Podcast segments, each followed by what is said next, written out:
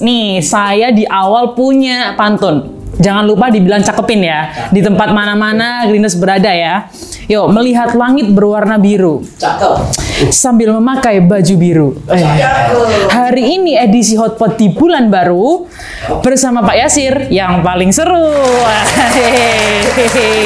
Pak Yasir, apa kabar Pak? Baik Bu. Baik ya Pak ya. Saya dengar-dengar Pak Yasir ini orang Lamongan. Iya. Waduh, Lamongan sebelah mana ya Pak? Sebelah utara. Itu daerah yang mana Pak? Kalau saya ini dulu orang tua saya di Kedung Pring. Kedopring dan sebelah selatan. Masuk lagi ya? Nah, Hmm. sebelah Deket ya Pak. Oh, sebelah utaranya berarti daerah mana Pak Yasir? Nama daerahnya? Gelaga. Oh, oke. Berarti Pak Yasir ini sering makan ini, Pak. Saya tuh kalau di Lamongan makannya kaliote. Oh ya. Eh, itu sebelum Lamongan ya? Ya. Nah, dapat kaliote. Nah, dapat kaliote, Nah, betul. ada juga sate sama gule. Gule. Ya. Gule kan paling terkenal ya Pak Yasir ya. Iya, betul. Terus habis gitu Pak Yasir pasti pernah tahu nih, apalagi Pak Yasir udah em- eh, ini ya penguasa Lamongan. Biasanya kan kalau di Lamongan itu makannya ini ya Pak Yasir eh, lodeh, Iya. pecel yang pakai daun jati. Daun jati. Bener ya? Iya. Waduh, kita berarti satu Lamongan, Lamongan CS Pak Iya, Yasir. iya. Oh, Lamongan CS ya. Terus kok bisa ceritanya dari Lamongan ke ke mana lagi Pak Yasir sebelum ke Surabaya? Pindah-pindah, pernah pindah-pindah atau? Di Gresik. Oh, Gresik. Iya, Gresik. Oh, itu tahun berapa kira-kira Pak Yasir? Tahun sekitar 86. Oh, 86. Lama juga. Berapa lama di Gresik Pak Yasir? Itu sampai 92. Mbak. Oh, 92 baru 92. pindah ke Kaliana itu. Terus pindah ke Surabaya. Hmm, berarti di Lamongan sejak kecil Iya. sampai tahun 92 tadi itu. Iya. Terus baru di Gresik lanjut ke Surabaya. Iya. Di Gresik dulu itu kerja kah atau memang waktu itu ada eh, ngambil apa di sana Pak Yasir? Kerja di bengkel itu. Hmm, di bengkel. Berarti memang Pak Yasir ini udah sangat dekat dengan yang namanya mesin-mesin Iya, betul. dari awal. Dari awal, dari kecil itu sudah Dari kecil udah dengan mesin-mesin. Oh kok bisa Pak Yasir? Ceritanya tuh gimana? Kok bisa? Oh seneng sama mesin kan? Kalau cowok-cowok biasanya Iya. main bola, ya toh Pak Yasir. Terus apa lagi? Hmm, main apa? Nah ini kok Pak Yasir tertariknya mesin? Kenapa Pak Yasir? Iya, kalau saya itu sejak kecil olahraga itu nggak begitu anu juga. Oh, nggak begitu suka? Cuman nggak begitu. Tapi kalau mesin itu sejak kecil. Hmm, Jadi ya memang bawaan dari lahir begini. bawaan dari lahir. Tapi Jadi Hmm? ini inspirasi saya itu kan tetangga itu kan servis motor lah mbak. oh. Jadi setiap kali servis itu saya selalu melihat terus, melihat melihat gitu. Heeh, heeh, heeh. Jadi ketertarikan saya itu dengan itu. Jadi pokoknya saya lihat, saya perhatikan apa Hmm. yang dia kerjakan itu. Sejak kecil berarti ya. kecil, iya. Wow. Tapi ayah waktu itu nggak nggak ngurusin soal permesinan atau ngurusin Nggak. juga? Oh nggak. Enggak. Oh. Hanya itu kan carpenter lah, tukang kayu lah. Oh, tukang kayu. Wow. Terus Pak Yasir sekeluarga berapa bersaudara Pak Yasir? Kalau saya itu lima mbak. Lima. Hmm. Pak Yasir anak nomor? Saya ini anak nomor pertama tapi ibu yang kedua. Oh, oke Yang- oke. Ibu pertama dari bapak itu kan meninggal gitu. Oh, oke. Berarti anak sulung yang ngurusin adik-adiknya nih ya. Makanya Iya. etos kerjanya wah tidak diragukan lagi ya Pak Yasir ya. Terus ceritanya itu gimana sih Pak Yasir? Kan sebelah rumah ada tetangga yang punya bengkel lah ya. Iya. Nah, terus habis gitu Pak Yasir tertarik ya kan. Iya. Tapi sudah berapa banyak motor-motor atau mobil yang Pak Yasir preteli ini Pak Yasir? Ya, kalau itu kan kita kan dari keluarga yang kurang mampu. loh. Jadi kan motor yang nggak punya apa nggak punya ya tinggal melihat lihat aja. Terus waktu itu kan saya lulus SMP itu. Ya kalau sekolah di desa kan sanawiyah lah mbak. Jadi sekolah religi itu ya. Saya mau ke SMP Lamongan itu orang tua nggak nggak boleh nggak boleh sekali. Wis pokoknya kamu di sini aja.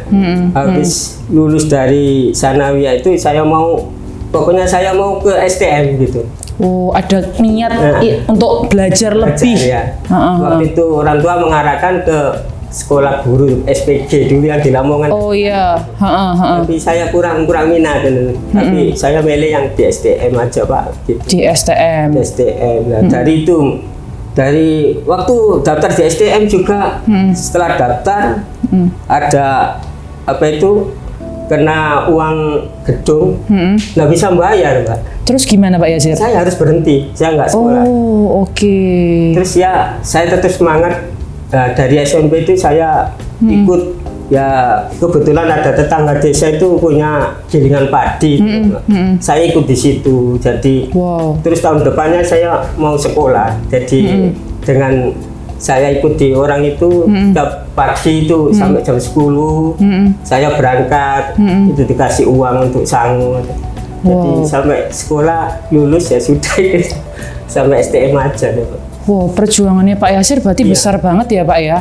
banget sekali. Apa yang ngebuat Pak Yasir kayak bertekad nggak nih saya harus sekolah, saya harus belajar mesin.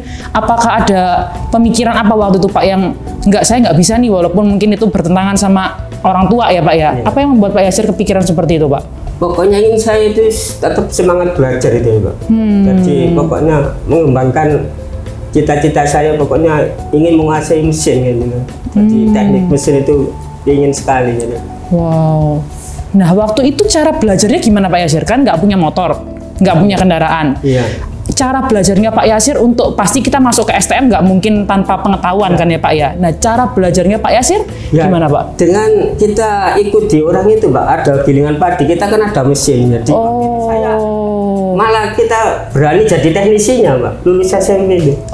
Padahal masih iya, SMP. Masih SMP.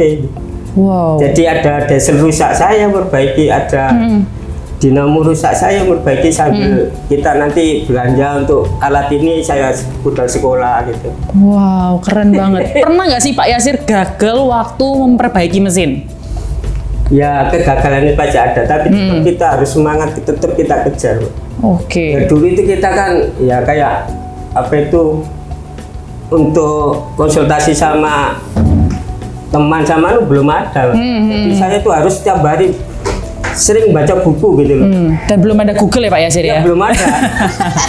Jadi waktu itu saya baca buku itu sampai rasanya panas deh badan ini. Kan kalau belum mengerti loh, Bang. Ah, ah, ah. Enggak enggak anu, enggak terima kita tetap tidur lagi, bangun lagi. Terus Wow. belajar gitu loh. Jadi sampai ya mengerti lah oke kalau gitu. Sampai sekarang kan gitu. Kita biasakan baca baca. Wow, wow, wow. Jadi nggak ada satupun halangan yang membuat Pak Yasir itu kayak berhenti ya Pak Yasir ya. Mau kondisi finansial mungkin nggak mendukung, tapi Pak Yasir tetap ayo kerja keras. Nggak mengerti sesuatu hal, Pak Yasir juga tetap Tetap berusaha. tetap itu. berusaha. Walaupun enggak dapat di sekolahan ya harus dari mana yang penting di TV kan di buku kan gitu. Wow, keren banget. Cuman Pak Yasir pernah nggak sih Pak eh, terpikir kayak waktu gagal nih ya tadi Pak Yasir bilang ada kegagalan nih. Aduh kayaknya bukan passion saya sih, memang bukan bukan mesin deh jalannya. Apalagi mungkin orang tua mengarahkan nggak dah kamu jadi guru aja gitu. Ya. Apakah eh, Pak Yasir pernah terpikir untuk berhenti mengerjakan apa yang Pak Yasir tuh selama ini minati atau impikan gitu Pak? Kalau saya untuk berhenti itu tidak. Kalau saya Hmm. kan idealisme. Kalau ingin ini ya kita lanjut Kejar. gitu.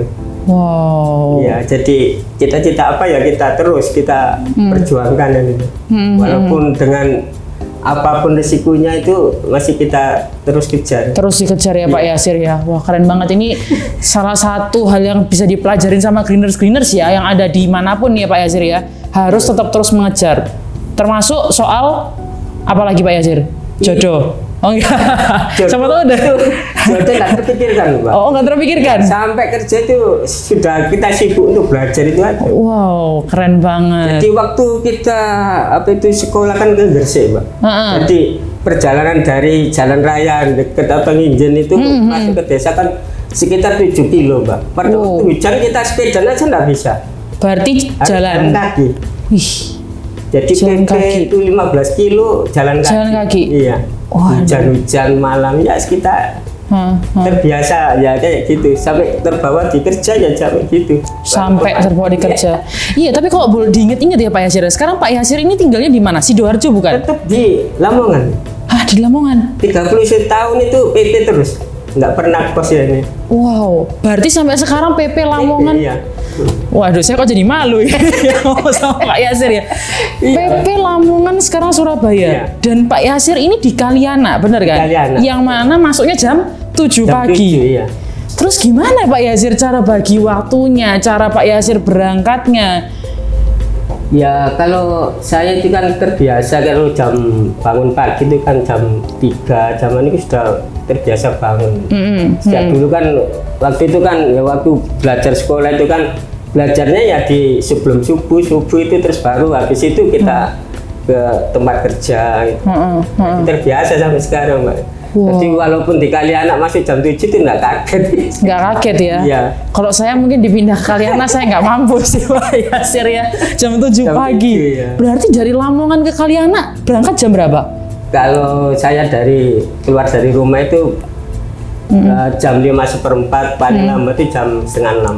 Wow. Dan itu pulang ke Kaliana nggak mungkin kan Pak Yasir pulangnya Iya. langsung, wih tenggo jam 3 gitu atau jam berapa ya Pak Yasir ya Kaliana ya? Kalau Jam sekarang itu jam 5 jam 5 ya. tapi dulu di flip pak ya jam 8 jam 9 Wow. pasti kalau di Wow. workshopnya kan enggak begituan kalau dulu di flip kita tetap di atas jam 7 Dan sampai di rumah jam ya jam 9 jam 10 Aduh, aduh. walaupun malam ya kita tetap pulang Tetap pulang Iya. ya. Kenapa Pak Yasir kok? Eh udahlah, ini kan udah lama banget di spill ya, nggak mau pindah di dekat Surabaya atau mungkin sidoarjo gitu. Kenapa kok tetap nggak deh di Lamongan aja dan mau berkorban waktu yang lebih banyak untuk proses kerja ini? ya waktu itu kan kita itu kan ingin dekat dengan orang tua gitu aja Oh oke. Ha, ha. sampai dapat jodoh ya dari tetangga aja Oh ini ya jodohku, jodohku tetanggaku gitu. ini bisa dibuat FTV loh Pak Yasir.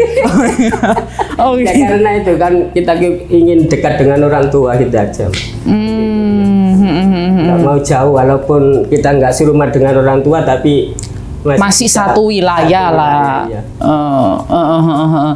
Makanya itu yang membuat Pak Yasir, ya udah deh nggak apa-apa, tetap aja berkorban gitu ya Pak Yasir ya. iya Kalau boleh tahu, eh, Spill ini perusahaan Pak Yasir yang keberapa? kedua Oh kedua, pertamanya di Cokro itu Cokro Gresik oh di Cokrong Gresik, bagian mesin juga iya bagian operator mesin lah mesin dan yang di Spill ini kedua dan sampai sekarang. sampai sekarang Apa yang ngebuat betah Pak Yasir? Ya karena happy lah mbak kerja di sepil ini kita tuh bisa belajar kita disupport untuk selalu berkembang Hmm. jadi kita enak kan itu kalau di kerjaan lain satu yuk, kerjaan fokus kan itu Mbak. Hmm, hmm. jadi nggak boleh Ke mana belajar apa ke mana? lagi belajar nggak bisa Berarti memang Pak Yasir dari dulu suka belajar ya Pak Yasir ya? iya mbak Wih. belajar itu aja Keren banget, keren banget. Dan bener-bener mendalami apa yang Pak Yasir udah pilih, istilahnya Iya. gitu ya. walaupun hmm? di sepil itu dulu kan kita operator mesin satu mesin scrap itu Hmm. terus kan di sepil itu waktu dulu itu nggak banyak orang Hmm. terus ada pekerjaan yang lain apa itu ya kita tangani walaupun kita bukan anu itu tapi kita harus semangat belajar harus bisa kayak gitu Hmm, siapa lagi yang mengerjakan kalau nggak kita kita ini kan gitu Oke. Iya. Dulu awal di spill jadi apa Pak Yasir? jadi operator mesin scrap Operator mesin scrap itu di mana? Surabaya atau cabang dulu? di Surabaya Di Surabaya ya, di Kaliana. Berarti udah di Kaliana awal nih dari operator mesin scrap ya kan. Terus prosesnya gimana Pak Yasir? Sampai sekarang Pak Yasir kan jadi manajer ya. Jadi. Wis, manajer workshop keren banget. Ya. Ya, gimana dulu Pak Yasir? Waktu kira-kira 8 tahun itu kepala bengkel BKA itu ngajak saya jadi asisten supervisor lah mbak. Oke. Tapi saya tetap tidak mau gitu loh. Karena Karena saya senang hanya senang nggak nggak senang apa itu merintah orang apa itu nggak enak gitu loh. oh Jadi kurang kurang terbiasa gitu. Yang penting kerja saya ini kerja gitu. Kita selesaikan kerja sudah puas kan itu. Hmm, hmm, hmm. Tapi berhubung kepala bengkel saya ini mengharapkan saya ini naik. naik bisa kamu itu bisa mampu tapi kenapa nggak mau kasihkan teman saya aja loh. Wah, saya nggak mau loh. terus sampai sampai kepala bengkel saya itu manggil Pak Sutikno oh Pak Tik. Pak Tik Pak Tik. Datang ke kali anak saya dikasih support gitu. Wow. itu baru saya Akhirnya mau.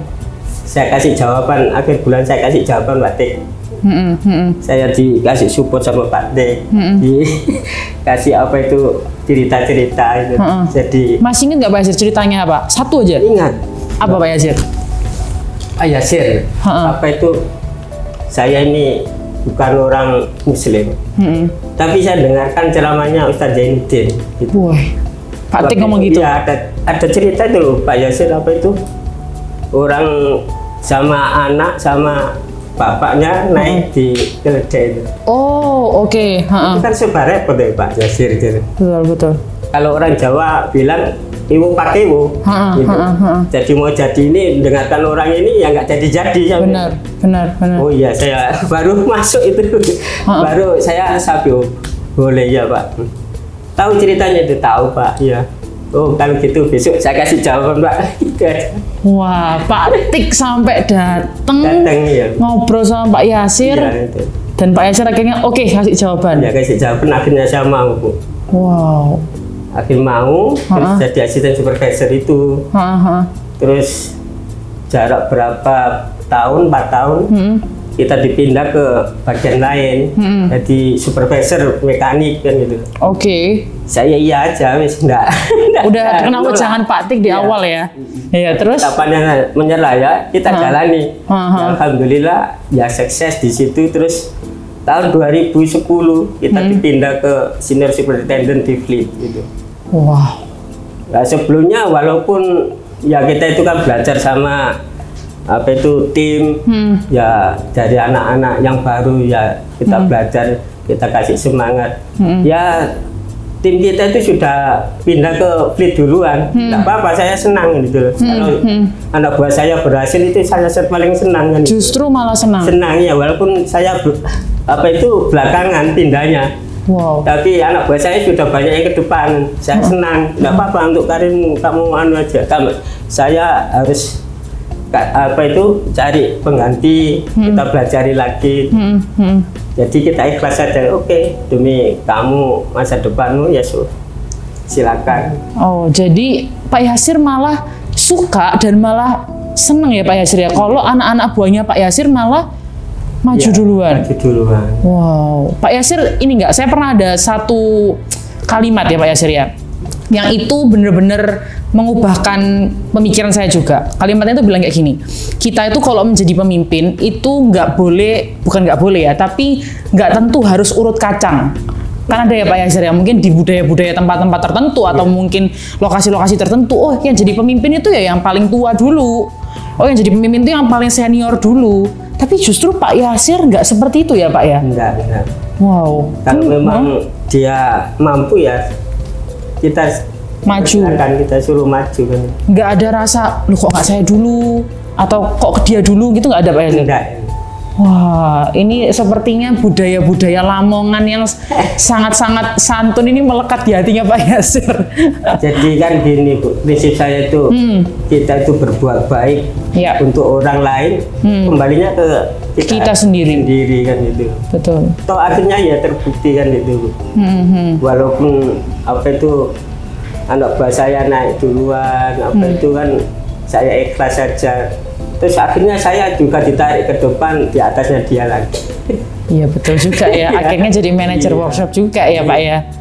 Waktu itu kan di Senior Superintendent kan dari tahun 2010 sampai 2018 Hmm. kita dikasih kepercayaan lagi manajer teknik.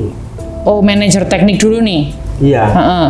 Nah, manajer teknik selama eh, tiga tahun, Tiga tahun. 2018 sampai 2021 21. Heeh. awal itu. Nah, karena pada waktu itu kan ada COVID. Betul. 2020 ya Pak Yasir ya. Ya, Heeh. awal 2021 saya kenal, Oh kena COVID. kena COVID. Oke terus? Nah, COVID itu ya agak lama di rumah sakit ya, Bu. Karena itu zamannya Delta ya Pak Yasir ya. Iya, Yang parah itu ya. iya, Dan itu Pak Yasir lama di rumah sakit. di rumah sakit. iya. Heeh, akhirnya gimana Pak Yasir? Sampai saya itu masuk ICU. Waduh, sampai separah itu ya. ICU selama 14 hari. Oke. Ya. Jadi saya masuk di rumah sakit itu bersama istri. Heeh. Sekeluarga kena. Saya sama istri ya. Saya sama ist- oke. Ya. Terus masuk di isolasi, isolasi. Satu minggu saya itu perkembangannya kurang bagus dipindah ke isolasi ke ICU. Hmm, hmm, Nah, di ICU itu sampai 14 hari. hmm, hmm. Jadi alhamdulillah saya bisa bertahan sampai 14 hari itu. Terus baru keluar dari ICU kita ke pemulihan itu sampai total di rumah sakit itu 38 hari. Uh, 38 hari, satu bulan lebih ya Pak Yasir ya? Lebih. Ha, ha, ha. Terus itu pun pulang itu masih bawa oksigen. Berarti Pak Yasir ini kalau saya lihat banyak mengalami hal-hal yang cukup menantang dari awal kehidupan ya Pak Yasir ya. Iya. Awalnya udah struggle perjuangan soal uh, pendidikan, soal kehidupan dan sekarang kalau saya boleh bilang ya hampir-hampir eh, bisa nggak ada gara-gara sakit. Iya. Betul ya. Tapi waktu itu apa yang ngebuat Pak Yasir kayak aduh ini ya pasti ya namanya sakit kan kita nggak bisa minta Iya. ya Pak Yasir ya. Sembuh pun juga anugerahnya Tuhan Tuhan, gitu. Tapi Betul. apa yang ngebuat Pak Yasir kayak ini kayaknya saya harus tetap deh, tetap tetap fight lah istilahnya untuk kesembuhan. Iya. Ya saya waktu di ICU itu ya sempat dong, sempat titik terendah. Terendah. Sudah, sudah pasrah. Hmm, hmm, Jadi saya sempat sama suster itu bilang, hmm. Mbak, tolong sampaikan ke, ke anak saya. Man, kebetulan mantu saya di rumah sakit. Oke. Saya sudah pasrah, silakan apa itu dokter yang lakukan, sudah enggak. Hmm, Tapi mungkin ya terjawab dengan omongan saya itu. hmm. Besoknya itu saya itu apa itu nggak sadar diri. Nggak sadar sama sekali. sadar. Iya. Oke. Jadi waktu itu saya sudah sempat berapa jam gitu. Jadi nggak Nggak ada. Iya. Hah. Terus baru itu saya bangun lagi. Hmm. Loh, kenapa tangan saya kok diikat gitu? Kok Udah tadi- diikat? Iya, diikat. Kan kok banyak tinggal, tapi kita nggak sadar. Ha, ha, ha. Itu. Jadi terus saya, oh, berarti saya tadi itu anu, sudah nggak nggak sadar itu. Nggak sadar. Ya kebetulan waktu itu juga ya pertolongan dari Tuhan ya. Bu. Hmm, Jadi waktu itu sudah di, mau diputusin sama dokter. hmm. Kalau saya mau di, di apa itu istilahnya di Oh dilubangin di sini ya? Itu. Ha, ha. tapi nggak tahu ya ada jalan dari kepala ICU Hmm, itu kebetulan kan kenal sama anak saya Anak. itu tadi hmm. dipanggil anak saya tadi Hmm, kalau nanti sampean dipanggil dokter hmm. tolong jangan diterima Oke. soalnya tindakan itu penuh risiko dan jar- jarang dilakukan di sini kan Hmm, hmm, hmm, terus akhirnya dipanggil betulan hmm. terus tidak mau nerima ya nggak jadi dilaksanakan itu pokoknya ayahmu tunggu dua hari lagi Hmm, karena sudah 12 hari inkubasinya ini 14 hari hmm, hmm. kebetulan ya alhamdulillah Pak. 14 hari saya dinyatakan negatif Wow. Negatif, Sembuh. iya ya pokoknya negatif Negatif. iya negatif dulu baru saya bisa keluar dari ICU Hmm, hmm, hmm. Nah jam 12 malam sudah hasil pemeriksaan itu dinyatakan negatif karena saya dipanggil sudah gemetar. Gemeter. 12 malam panggil panggil ini ada apa ya? Hmm, hmm, hmm. terus baru dikabari kalau ayahmu bisa dijaga sudah di, bisa ditelakkan dari ICU Langsung lega. iya. Waduh itu yang baru bisa kita anu lah bu. Hmm, bisa, bisa dijaga dengan anak bisa anu waktu itu di kamar satu ini sudah nggak ditengok orang kan hmm, hmm. tapi berkat ya saya senangnya itu terima kasih sama pimpinan PT Spilin Pak Leman Oke. telepon sama anak saya Oh Pak Leman langsung telepon ke anak bapak. iya waktu itu saya tahunya baru ditanya Pak Leman itu Hmm, hmm, hmm. Kondisinya Anak gimana? itu masuk ke ICU Hmm, hmm. masuk Pak itu saya yang telepon saya suruh kamu berani masuk ke ruang ICU berani Pak kamu berani masuk ke ayammu Hmm. dilaksanakan sama anak saya itu jadi kan kebetulan bisa pinjam Iya, iya. terus saya ya ini saya gitu loh Hmm, hmm. kasih semangat saya Bu. Wow, berarti ketika Pak Yasir istilahnya dalam kondisi terendah pun, iya itu bukan cuma ada pertolongan Tuhan, tapi ada support keluarga, bahkan pimpinan pimpinan itu juga ikut support ya Pak ya. Iya. Berarti seberapa, menurut Pak Yasir ya Pak, eh, selama Bapak di PT Spil ini, melihat dari posisi tadi ya, Pak Leman sampai juga turun tangan. Menurut Pak Yasir, apa sih yang membuat eh, Pak Yasir ini itu yakin bahwa PT Spil ini tuh merupakan tempat yang benar-benar pas untuk Pak Yasir dan juga mungkin untuk timnya Pak Yasir terus bertumbuh. iya ya karena dari awal saya bekerja di situ nggak ada keluhan apa kok. Hmm. Kita tiap tahun juga ada perhatian dengan sileri apa ya nggak pernah telat nggak pernah nggak Hmm. ada kenaikan ya kenaikan terus stabil berarti kan perusahaan ini perhatian dengan kita Betul. terus betul. apa yang kita perbuat dengan perusahaan kan gitu loh Hmm, hmm, hmm. kalau perusahaan baik maju kan kita juga imbasnya ke kita juga, Benar. kan gitu loh. Betul, betul. anggap aja kita itu kan ladang kita kan gitu Hmm, hmm. Nah kalau kita sudah niat di sini terus ladangnya nggak bagus kan akhirnya kembali ke kita ya susah mikir juga. Iya, kadang kita selalu berpikir Iya. tempat lain lebih bagus, tapi Ah. apa yang udah kita lakukan ya Pak Yasir ya, Kan, ke, ke tempat yang kita Iya, ada gitu ya. betul. Yang Oke. ada sudah bagus ya kenapa harus Ke yang lain. Oke oke. Tapi sering nggak Pak Yasir ngobrol ketemu sama Pak Leman? Berarti sering ya ya waktu dulu ya sering di Sering ya? sering dulu. di Fleet? Iya. Wah saya baru pertama ini loh tahu Pak Leman sampai turun tangan Iya, itu yang nelpon. nggak bisa kita lakukan, nggak bisa kita lupakan itu jasa-jasa. Wow, keren keren. Supportnya betul-betul Besar ya. besar sekali. Di kondisi kayak gitu, setiap hari saya dikirim makanan, keperluan apa dicukupi semua. Waktu sakit itu. Waktu sakit. Wah, keren keren banget Pak Iya. Yasir. Itu yang mungkin yang buat Pak Yasir bertahan juga selama ini di Spill ya. Iyalah, karena ya kita sudah menjadi bagian dari sepil bu. Hmm, Merasa banyak utang budi dari sepil ya dari kondisi Oke. rumah tangga kita sampai sekarang sampai bisa kayak ini. Hmm. Seperti ya. ini. Hmm. Iya ya.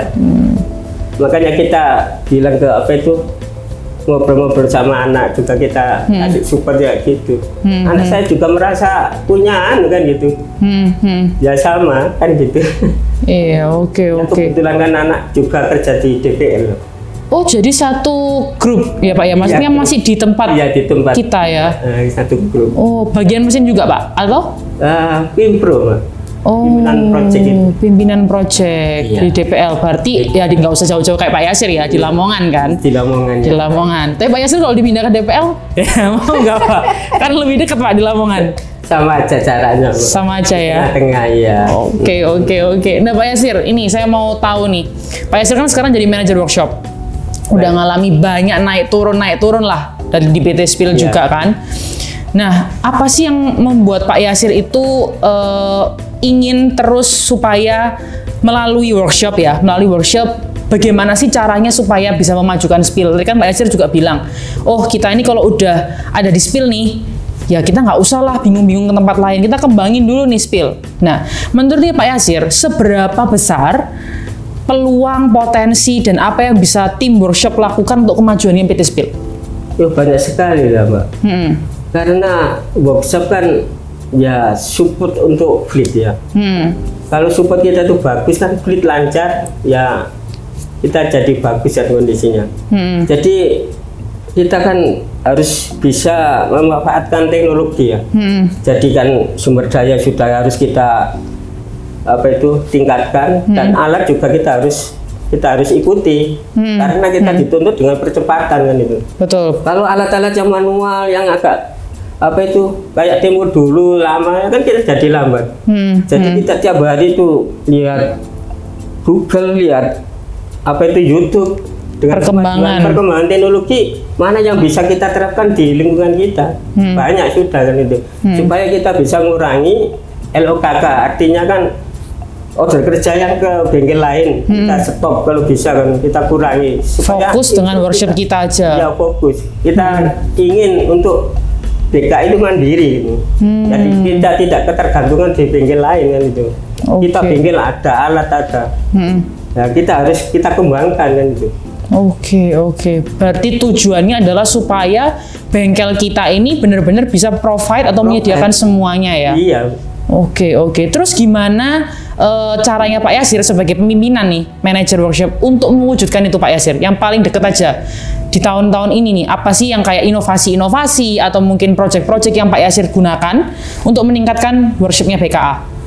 ya banyak sih mbak Eh, kemarin itu kan kita juga support ke eh, divisi tambak langon Oke. Nah, untuk bagaimana cara supaya mengurangi potong plat keluar, Hmm, kita bikin alat semi otomatis. Oh, berarti bikin alat juga Bikin alat ini. Kalau kita memang beli tuh, wah kayak gini tuh mahal. Kita bagaimana caranya kita bisa apa itu Hmm, bikin sendiri yang semi otomatis kan gitu. jadi untuk percepatan alhamdulillah untuk potong plat juga Bisa ya. bisa Oke. jadi support di Langon support di apa itu fleet jadi kita Kalau workshop itu menangani berapa karyawan di bawahnya, Pak? Pak Yasir timnya? kalau workshop itu ya kurang lebih 100 kurang sedikit gitu Uh, 100 orang. ada listrik ada mekanik Hmm. ada tukang las ada tukang kayu Oke. ada spare part repair Sa- lima, lima bagian itu rata-rata ya 20 22 gitu Berarti hampir 100. 100 Saya aja di, di tim legal nih Pak Yasir ya. iya Cuma ada berapa ya? 5 6 orang lah. Iya. Ya, sebentar atau enggak ya? Maaf ya tim legal ya kalau salah. Itu Bu Evelyn manajer saya aja udah pusing nanganin orang-orang di dalamnya. Pak Yasir membawahi 100 hampir 100 orang. Nah, caranya gimana Pak Yasir sebagai manajer untuk ngehandle seperti itu? ya kita itu kan perlu pendekatan Hmm. Yang kita lakukan pendekatan tiap hari kita keliling ketemu sama dia ngobrol apa Wow. apa kesulitan apa ada yang perlu dibantu Heeh. masalah apa aja kita kita harus ngobrol kita dengarkan nantinya dia itu Di tengah kesibukannya Pak Yasir masih bisa mendengarkan iya orang-orang di bawahnya. ya ya kita ajak ngobrol santai kita kayak teman Wow. gitu aja bu Heeh. jadi kita itu bisa oh ya kebutuhan ini. Sambil kita keliling untuk orang kerja ini oh kalau ini kekurangannya apa? Kalau supaya cepat apa? Langsung kita kita pancing omongan. Gimana kalau kerja kalau gini mau supaya ini cuma oh iya pak jadi dia respon jadi dia suka kan gitu. Wow, keren. jadi kita itu nggak hanya Target, target. instruksi aja tapi terus apa itu supportnya nggak ada kan ya susah. Jadi Hmm. apa itu bawaan kan juga ngeluh kan hanya merintah-merintah tapi nggak dilihat alatnya nggak Ah. dilihat apa itu yang diperlukan Hmm. supportnya apa kan Heeh, heeh. akhirnya kan balik ke kita Benar, tapi benar. kalau kita supportnya kita kasih dulu apanya terus mau apa lagi ya Betul, betul. gitu Jadi ada instruksi boleh nih kerjaan boleh tapi juga harus support. support Pak ya. Oke. Mungkin Pak Yasir ini ya. Kalau tadi Pak Yasir kan udah cerita, wih pengalamannya Pak Yasir banyak banget. Terus habis gitu Pak Yasir juga eh, cara penanganan timnya juga keren gitu ya. Mungkin ada nggak sih Pak Yasir satu dua patah kata pesan-pesannya Pak Yasir weh, buat Baik. timnya Pak Yasir yang lagi nonton. ya kita prinsip kerja itu hanya gini pertama ya Hmm, kita harus kerja keras hmm, kerja keras. kerja cerdas Wis kerja cerdas, terus kerja tuntas kerja tuntas, terus yang keempat kerja yang ikhlas kerja ikhlas. nomor lima ini kerja yang loyalitas Loyalitas. Wah, berarti ada 5K dari Pak Yasir tadi ya. Itu pesannya Pak Yasir. Iya. Jadi Terus kita tercukupi sudah tercukupi semua. Tapi kalau buat greeners yang lagi nonton Pak Yasir, yang mungkin lagi bingung sama gimana ya karir saya di PT Spill ya, nah, itu mungkin ada pesan nggak Pak Yasir buat Ya, greeners? untuk teman-teman ya harus kita koreksi diri ya. tahu diri ya. Apakah kita sudah pantas nerima apa itu yang sudah kita terima dari perusahaan ini dengan kerja kita ini kan gitu. Wow. jangan kita hanya menuntut tapi kita harus bisa koreksi diri. Jadi yang sudah kita terima dari perusahaan apa yang sudah kita lakukan ini sesuai kan Dengan yang diberikan perusahaan. perusahaan. Wah, keren kita nggak usah nuntut-nuntut terus tapi kan yang kita lakukan ini sudah imbang nggak Oke, wah keren banget Pak Yasir ya. sadar kan ya sadar diri lah Siap Pak Yasir. Terima kasih banyak Pak Ya, Yasir untuk waktunya. Keren banget ya Greeners ya. kembali. Untuk 5K-nya tadi diingat jangan lupa gitu ya dan juga harus ingat dengan apa yang kita kontribusikan, Kontribusikan ke, ke perusahaan. Jangan cuma menuntut aja. Nuntut pacar boleh tapi nuntut perusahaan nggak boleh. Oke Pak Yasir, terima kasih banyak Pak Yasir Sama-sama, waktunya. ya. Dan Greeners, thank you banget udah dengerin podcastnya, Hotpotnya. Jangan lupa buat terus ikutin Hotpot, tapi ada edisi baru di bulan depan ya. Jadi masih ingin terus tahu kan kelanjutan edisi barunya gimana dan betapa serunya konsep barunya Hotpot dan juga ada ya orang baru pastinya ya yang akan menemani Greeners di hari-harinya Greeners bulan-bulan berikutnya. So stay tune di dalam Hotpot dan tetap semangat terus kerja keras seperti katanya Pak Yasir dan kerja ikhlas. See you.